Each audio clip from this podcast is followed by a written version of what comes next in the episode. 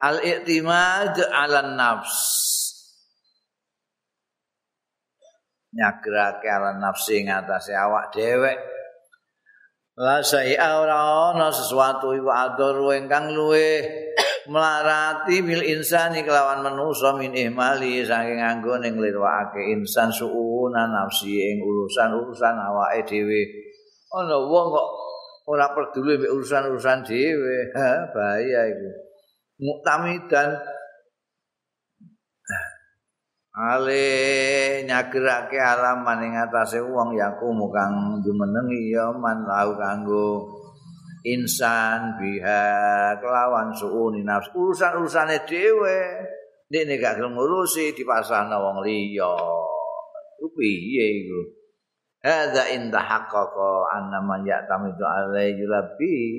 Ngene iki haqqaqa lamun nyoto apa anaman ya tamidu ale stune wong ya tamidu sing nyagerake ya insan alaihi ing atase man iku ya rapihi. Iku gelem nyembadani ya man ing insan indahu lamun ngajak lamun jaluk lepo insan hu ing man. Minggoiri tarayusin saking tanpa mikir-mikir. Wala butin lan ora tamban-tamban. Ya wis tak anune aku, ngono katok-katokmu dhewe, kancamu sing bongkon. Sing bongkon ngubahno. Wah, iku piye? Iku paling enggak bagus itu. Iku nek kancamu terus langsung gelem bongkon ngubahno iku tanpa mikir. Amma ingkana nasru ana dene lamun ana apa nasru nulungine man iku iyahu ing iya insan. Ana iku amron perkara maskukan sing durung. Yakin maskukan sing tesih diragukan piye ing dalam amron. Fatimaduhu mongko te anggone nyagelna insan alaihi ing atase man iku pun suatu macam minal jununi saking edan. Gendeng ngono kuwi. Kok katok katokmu pakaian mbok tumpuk-tumpuk iku? Gak mbok kumbah. Engko ben dikumbahno dul. Wis gelem dul. Ya mbah mbah gelem mbah ora. Eh gendeng.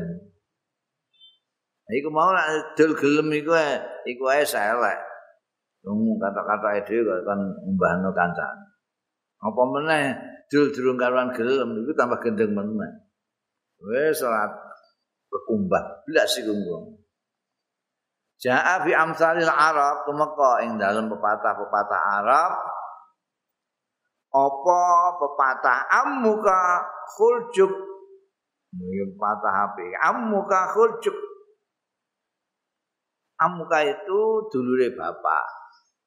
Nek kholuka dulure mbok Wong Arab itu dhewe ngarani paman yang dhewe-dhewe. Kayak ning kene kabeh paman.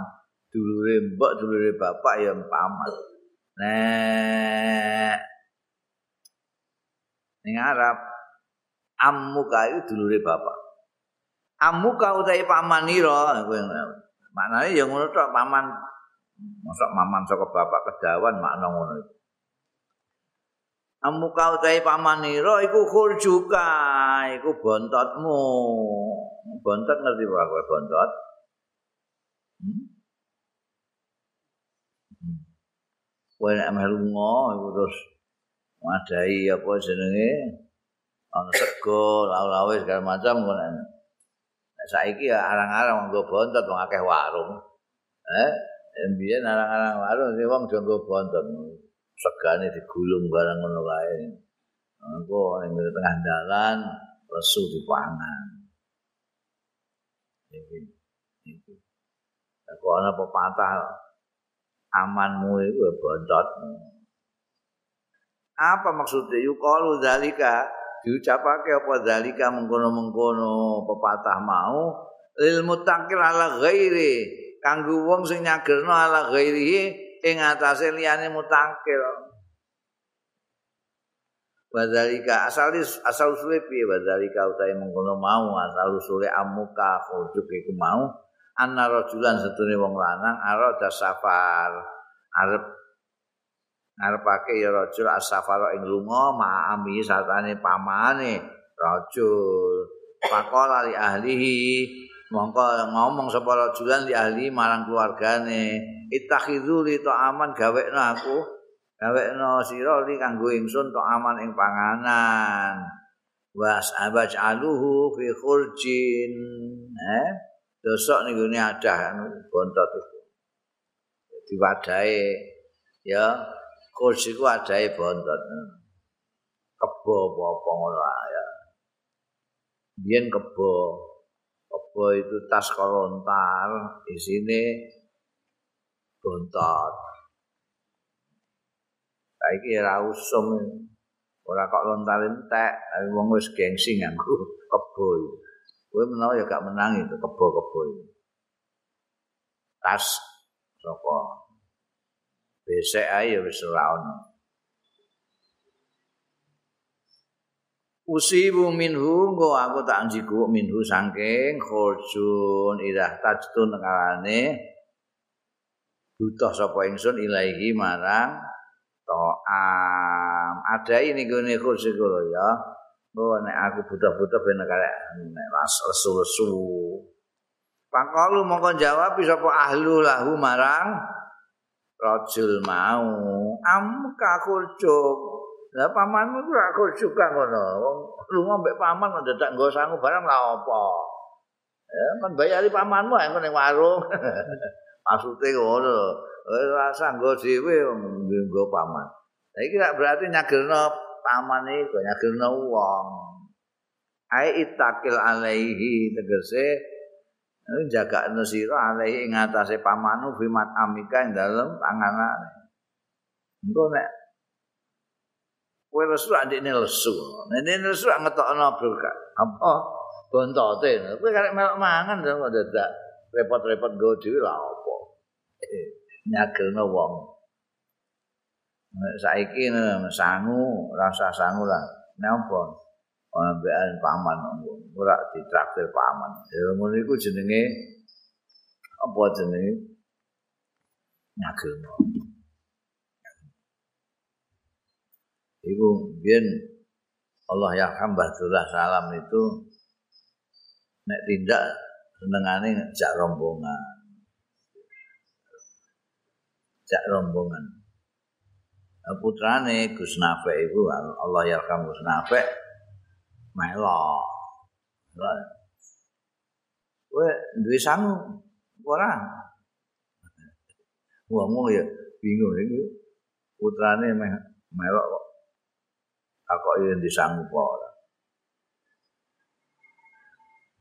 Nah, itu tiang-tiang yang betul-betul sanggup jenengan jak nih gue. Iku aku sing ngejak, aku sing melu dhewe sih. Melu dhewe kudu sangu dhewe ya. Aja nyagelno wong. Mulai apa didik putrane kaya iki iktimat ala nafsu iku nantek ngono. Gawe melok nek gak sangu. Eh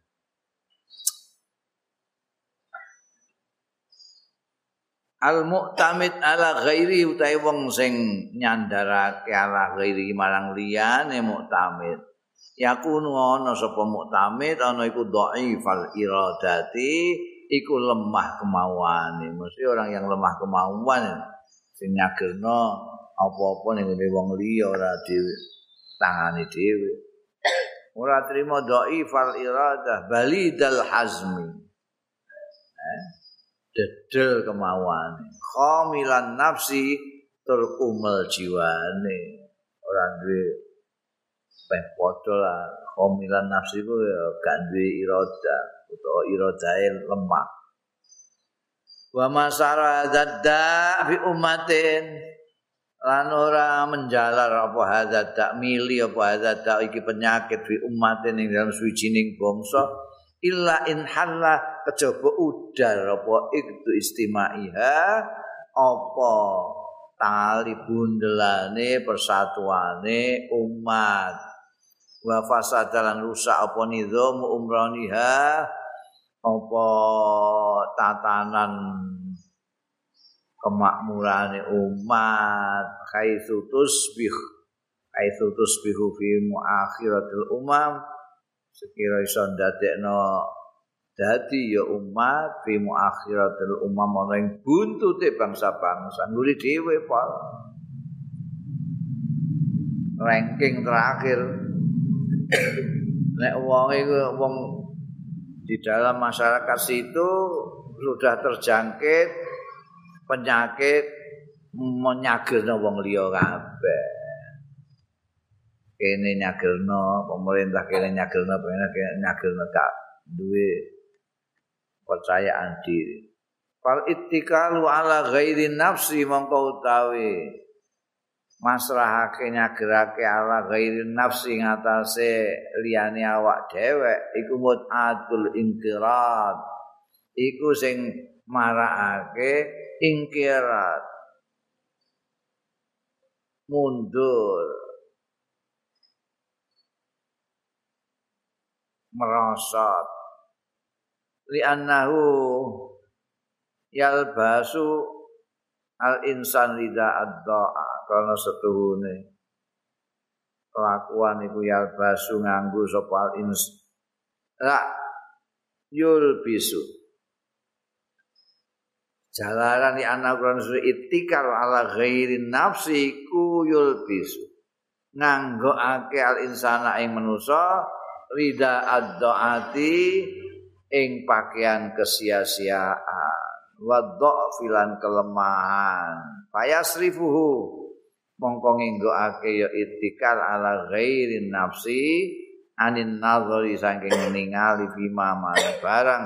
Yakuduhu sing iso nuntun ya mahu ing. Insan ila khusunil kuwati maring benteng kekuatan wal manaatilan pelindungan. Yang sautiflu tumbuh apa tiflu bocah baik muktamidan hale nyagerake fikuli sakne ning dalam saben-saben urusan min suuni nafsi sing urusan-urusan awak dhewe ne tifel selalu muktamidan ala abawahi ing atase wong tuwa loro ne tifel ilaan ya blugo tumekane yen to tumeka ya tifel asudau ing dewasane tifel Tumayat khulu mongko kari-kari melbu sapa tiful sing wis dewasa mau himal hayati ing apa jenenge? Kancah kehidupan. Wa huwa la ya'riful wa huwa hale utai tiful iku la ya'rifu. Mergo bolak-balik sing nyagerno bapak mboke terus. Mimik mbok mimik mbok.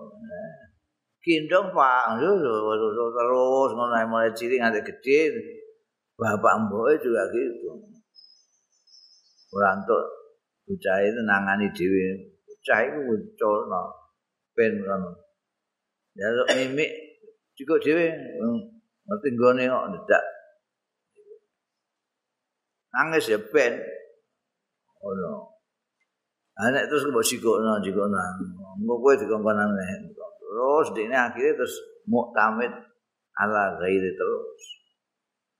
Engko nek terjun ning gone kancah kehidupan. Wa huwa la ya'rifu wa huwa kalau taiti faliku la ya'rifu ora ngerti ya tifa lil ittikai ala asan nafsi. Maring nyagerake nyandarake ala asan nafsi. Ngatasé tongkat awak dhewe ne tifa ora ngerti maknan ing maknane. Gak paham ini. Lho iki aku dhewe sing jiko biasanya jiko nembok lho iki aku dhewe sing menek.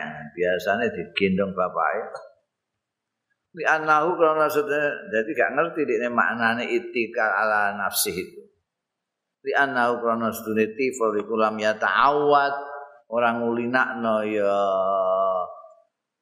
tifel zalika ing mengkono-mengkono itimat ala asa nafsihi fi nasati ing dalem pertumbuhan tifel al ula yang pertama walikul limriin lan iku keduwe saben-saben wong. Mindari saking mangsane kulimriin mau tai barang tawat sing ngulinakno. Oleh cilik kulit nang miso sampai tuwek ya jagoan miso oleh cilik diwarai apa? Iktimat ala ghairi gede ya. Orang itu tergantung kebiasaannya. Dimulai dari kebiasaan Faya zidu bidzalikal ummatu nek ngantek ngono kabeh wong-wong ning masyarakat itu. Faya zidu bidzalika mongko nambahi bidzalika kan kono-kono apa al ummatu umat iki apane balaan bala musibah ya la bala iya ing atase musibah umat wa khidlanan ala khidlaniha lan Izlan itu tersia-sia enggak ono sing ngewangi enggak ono sing nah, Allah izlannya yang atasnya kesia tersia-siane umat. Umat punya banyak problem tambahi ngono sisan rakyatnya akeh sing ora iso iktikal ala nafsi. Mata nasa al waladu kapan tumbuh sapa al waladu bocah fal yu awidu mongko supaya ngulinakno sirahu ing walad. La fayu awid mongko supaya ngulinakno ing walad sapa abawahu. Wong tuwa lorone walad. Ngulinakno al itimat ala nafsi ing atase nyagrake ala nafsi ing atase awak dhewe ne walad bikuli amrin ing dalam setiap perkara min umuri saking perkara peranane walad Mbok katoki eh gerang katoki ae kata dhewe. Ngono. Kata ida sabat mongko tekalane gedhe. Ya walat kana mongko ana ya walat ana iku rajulan lelaki betul ya tumul ummah. Jadi tokoh sing iso berkhidmah al ummata ing ummah khidmat rajulil qawi kaya khidmahe wong lanang sing kuat alqadiri sing mampu. Wa mata kasuran kapan? Oke apa majmu subban jumlahe kumpulane pemuda-pemuda almuttaqiina sing padha tetanggenan nyandarake ala adha di anfusim ing atase lengen-lengene awak-awak dhewe ne subban takawanat. Mongko terbentuk minhum saking subhanul mutaqawwi majmu subhan iki mau apa umatun umat sholihatun sing patut li antakuna. Ento ana ya umat ana iku war warisatal ard sing mewarisi bumi Nah utawi kita iku fi hajatin ing dalam hajat ila subanin maring pemuda-pemuda jubil kang diwatekake suban alal istiqlal ing atase mandiri fil fikri dalam pemikiran. Wal iktimad ala nafsi lan percaya lan nafsi ing atase awak dhewe nyagerno ing atase awak dhewe. Wa mata akharna lan ora terbelakang kita illa ba'da an kejaba sakwise ento lemah fina ing dalam kita. Apa hadzanil khuluqani? Iki pekerti loro istiqlal fil fikri wal iktimat ala nafsi ini. Wa ma tarakkal gharbiyun lan ora maju apa al gharbiyun orang-orang barat. Wa balagu lan tumeka sampai ya gharbiyun al ghayatal quswa. Eh tujuan yang puncak minal madaniyati saking peradaban wal umrani lan kemakmuran wa sultani lan kekuasaan illa ba'daan rabbu. Kejaba sakwise? Rabbau mendidik ya garbiun nas'ahum ing generasi yang baru tumbuhnya garbiun alaihi ma ing atase istiqlal fil fikri wal iktimat ala nafsi mau. Kemandirian berpikir dan percaya diri itu yang dikembangkan di barat. Mulai maju. Walai sama makna zalika lan ora ana apa makna zalika maknane mengkono mau. Apa ayan sa'al walad yento tumbuh apa? Al walad bocah munfarid dan kali dhewe an biroi lan pikirane walad tinjana dhewe kan mikir-mikir dhewe kan gak. Mustabid dan bifikri. Tur ya. Mustabid dan belum sak wenang-wenang bifikrihi kelawan pemikirane walat sak ini mikir undang ini pikiran sing ora-ora tinggalno ae layas tasiru ora rembukan ya walat alal akli wong sing duweni akal wal ilmi lan ilmu ndak begitu. Wa inna ma huwa allayatru katafakkur wal amal. Angin maksudnya ora kok dijalno muni asa istiqlal fikri, fikri itu dia keliaran berpikir ndak. Ya harus tetap apa jadi rembukan diskusi mbek wong yang duweni akal yang duweni ilmu kalau mempunyai pikiran sesuatu. Nah itu yang dimaksud istiqlal fikri ini mau innama huwa allayatul katafakur. Maksudnya innama huwa ini istiqlal fikri itu.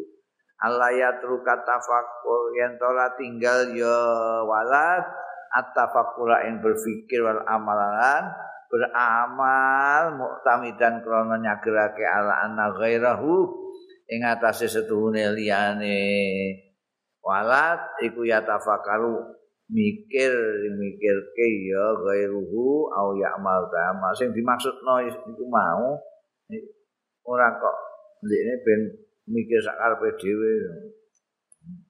Gak artine bocah iku aja ngantek tinggal mikir mergo ana sing wis mikir. Ah, timbangan sing sing mikir nae kok apa kok mikir-mikir barang itu. Dadi ora mikir. Padahal itu kepentingan ini dhewe lho. Kepentingan dhewe ini ora duwe buku. Wes dipikir nembok eh.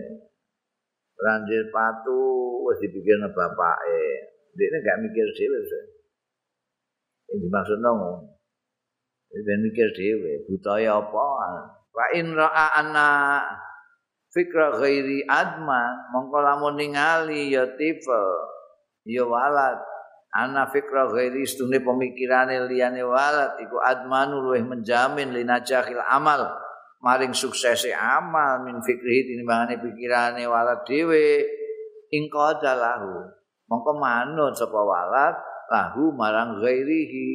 Itu maknane istiqlal fikri wa tamasaka bi urahu lan cekelan ya walad bi urahu kelawan eh taline bulan aline fikrahu mau fikrah ghairihi mau.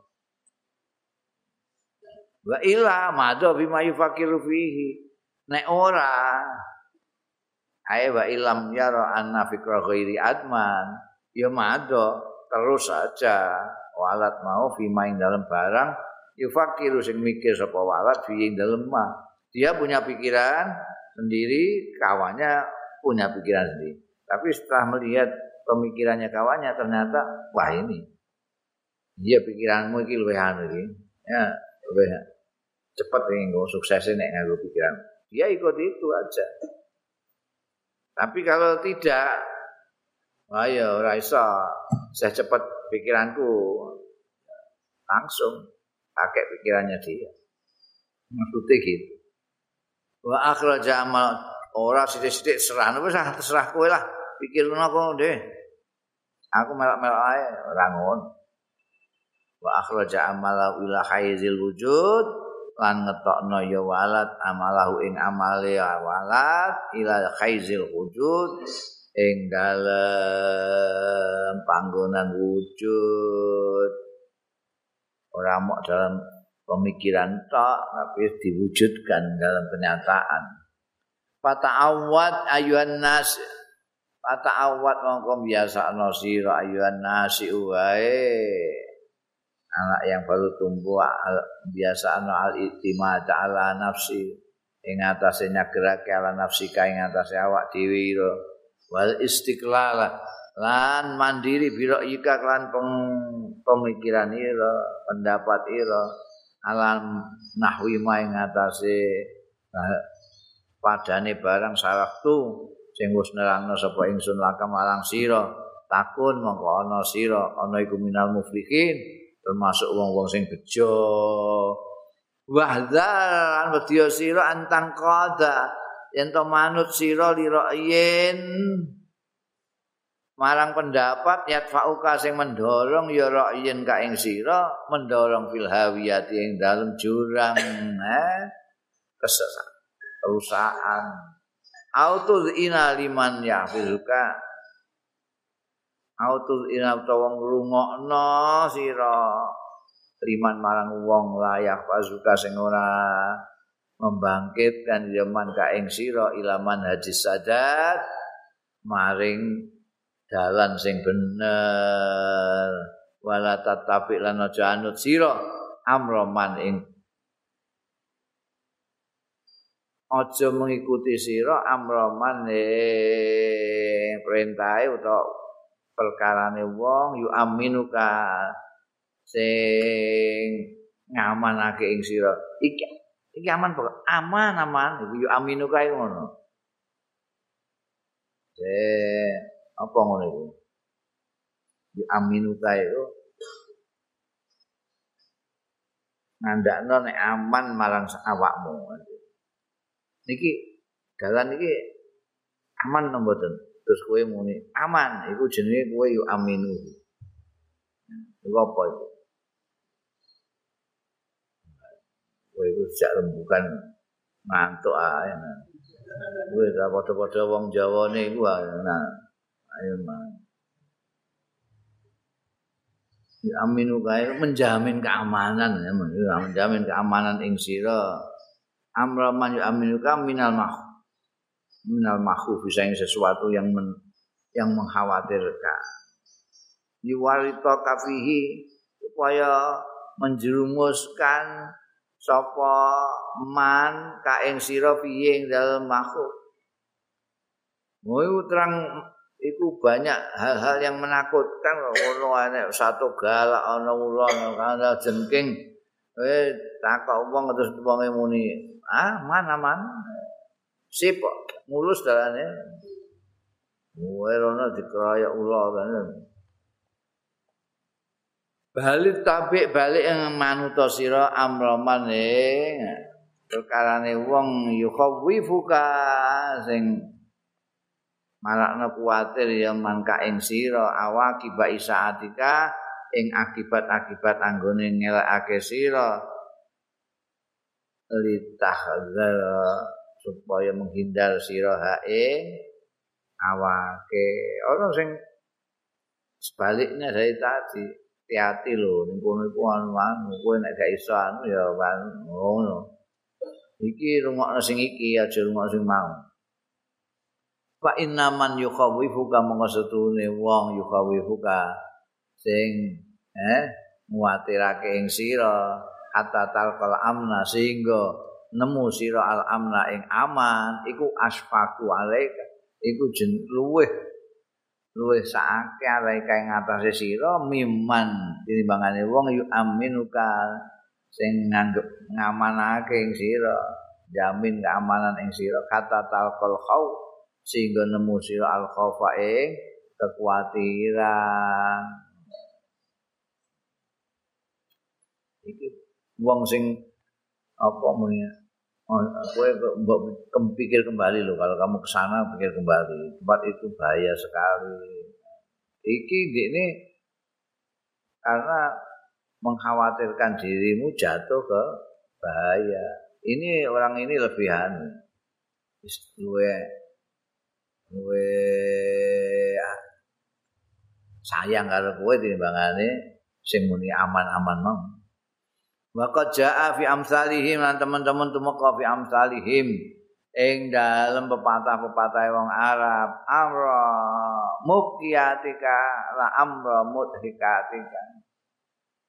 Perintahe sing nangis-nangis no sira la amra mudhika aja nuruti perintahe mudhikatika wong sing guyokno guyokno sira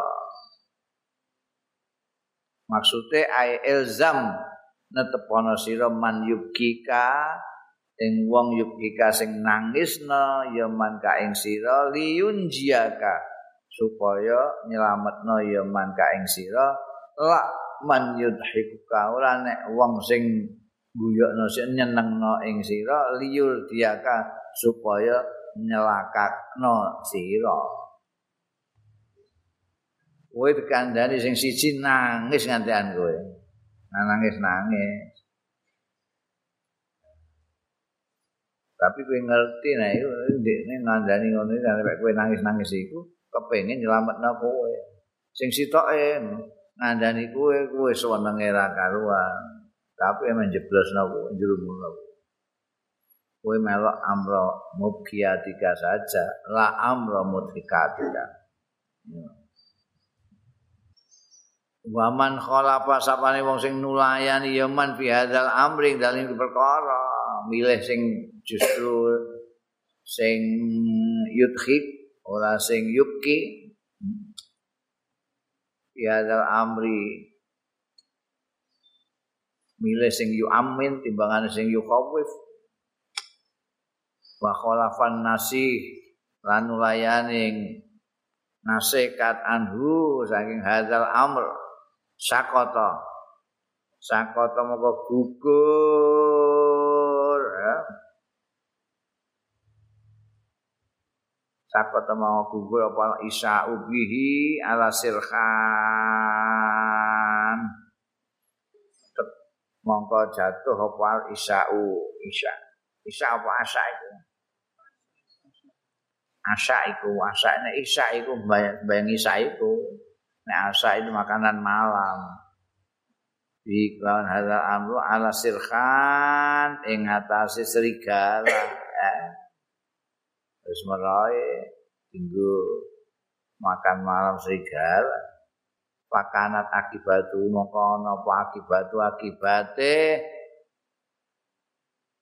man khalafa iku al khusranu rugi inna hadza huwal haq stune iki wa ya hadza iku al haq sing bener. Pala takun mongko aja ana sira iku minal mumtarin termasuk golongane wong sing ragu-ragu. Fatabi ma yulqa ilaika mongko ngetukno sira maing barang yulqa kang ditibakake ya ma ilaika marang sira. Yubarik mongko memberkahi sapa Allah Gusti Allah alaika ing atase sira